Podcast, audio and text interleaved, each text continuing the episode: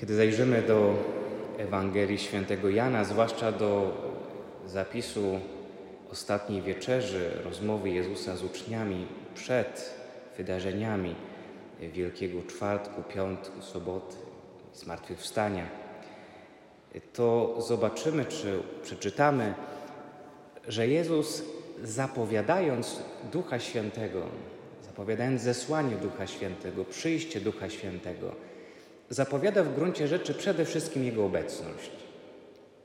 O ile bowiem obecność Boga w Jezusie była w jakimś sensie ograniczona czasem, Jezus żył w konkretnym czasie, w konkretnym momencie historycznym, to nie znaczy, że Jego działanie i to, co powiedział, czego dokonał, y, co stworzył, że to się w tym czasie też zakończyło.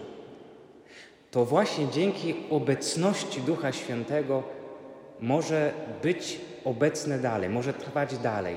Bóg może być dalej obecny właśnie dzięki Duchowi Świętemu. Trudno jest nam do końca opisać Ducha Świętego, bo w ogóle trudno nam jest opisać Boga, który w jakimś sensie przekracza nasze ludzkie wyobrażenia. Ale to nie znaczy, że nie jesteśmy w stanie go poznać czy czegoś o nim powiedzieć. Używamy jednak bardzo często do tego, sam Jezus zresztą e, takich używał sformułowań, czy Pismo Święte nam takie przekazuje, używamy języka symboli znaków. Słyszymy, jak e, pojawia się szum wiatru, jakby powiew wiatru w wieczorniku. To oznacza obecność Ducha Świętego. Y, słyszymy, że pojawiły się jakby języki ognia. Y, słyszymy w innym momencie, że objawia się czy stępuje duch w postaci jakby gołębicy. Duch nie jest ani ogniem, ani wiatrem, ani tym bardziej gołębiem. Tylko to są jakieś dla nas znaki, które nas odnoszą do tego, kim jest. Ale to, co możemy z całą pewnością powiedzieć, to to, że jest. Że Duch Święty jest i sprawia, że Bóg może być obecny wśród nas. Mamy tego bardzo dobry i taki wręcz namacalny przykład w Eucharystii. Kiedy składamy na ołtarzu chleb i wino, one staną się ciałem i krwią Chrystusa, a więc będą uobecniały i przedłużały to, co Chrystus dokonał w wieczorniku. Ale dzieje się to mocą Ducha Świętego. To On stępuje na te dary. To On dokonuje w nich przemiany. Tak jest też w Kościele. To, że się gromadzimy, to, że możemy się modlić, to, że może mieć między nami duch jedności, sprawia właśnie Duch Święty. On sprawia, że w nas może rozwijać się wiara. Dlatego modlitwa do Ducha Świętego jest tak ważna w naszym życiu, żeby owoce działalności Jezusa Chrystusa, który objawił nam Ojca, mogły dokonywać się w nas. Żebyśmy mogli poznawać Ojca tak, jak nas nauczył tego Jezus, potrzebujemy modlitwy do Ducha Świętego. Dlatego zobaczcie, zesłanie Ducha Świętego jest e, właściwie uroczystością zaraz drugą po Wielkanocy. I domyka nam ten okres paschalny, okres wielkanocny, okres świętowania zmartwychwstania. Dlatego dzisiaj także, jak w Wielkanoc, na samym końcu będziemy śpiewać rozesłanie z podwójnym Alleluja. Dzisiaj jest wielka uroczystość, dzisiaj celebrujemy równie dostojnie, jak w niedzielę Zmartwychwstania Pańskiego.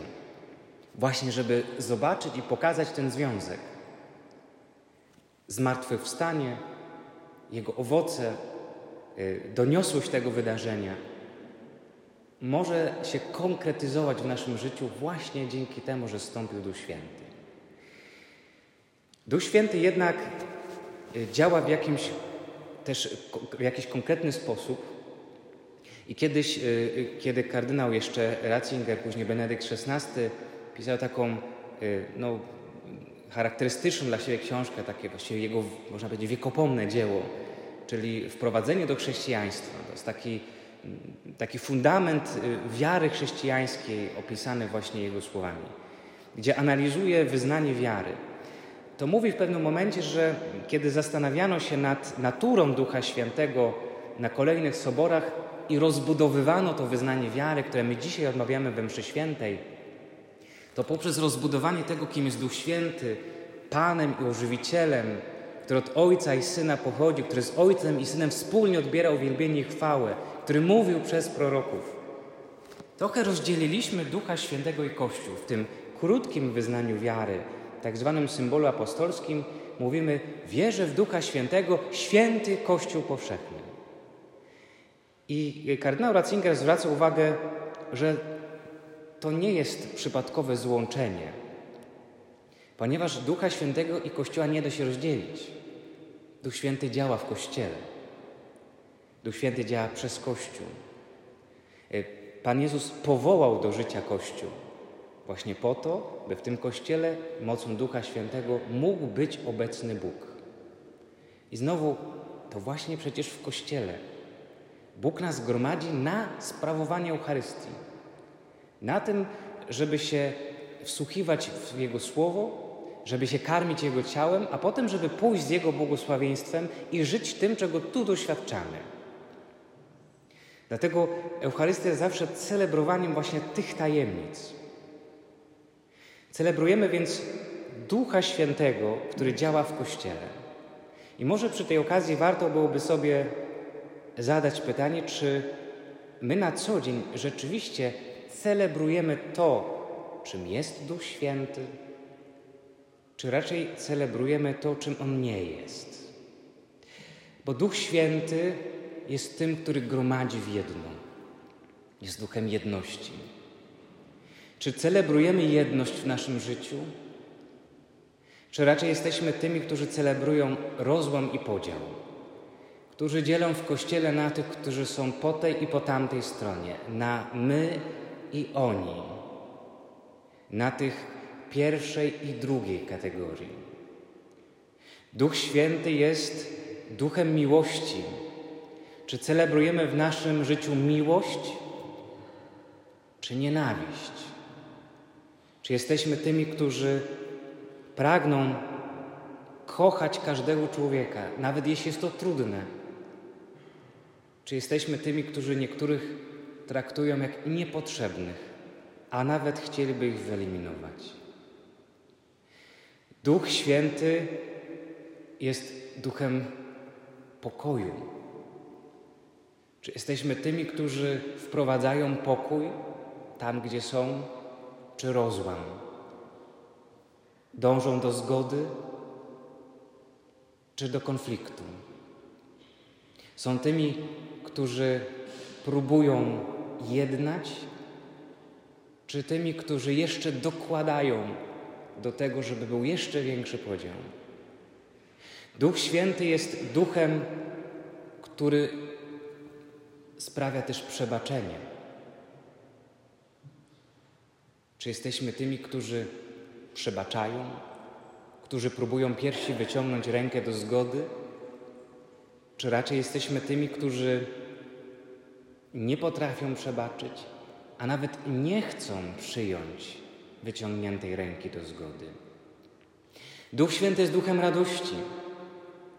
Czy jesteśmy tymi, którzy praktykując na co dzień wiarę chrześcijańską, żyją radością, która z tego płynie?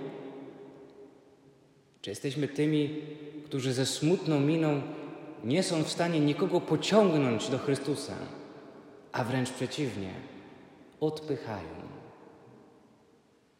Warto sobie zadać pytanie, czy dzisiaj naszym życiem celebrujemy Ducha Świętego, który jest obecny w Kościele, czy stanowimy tego antyświadectwo?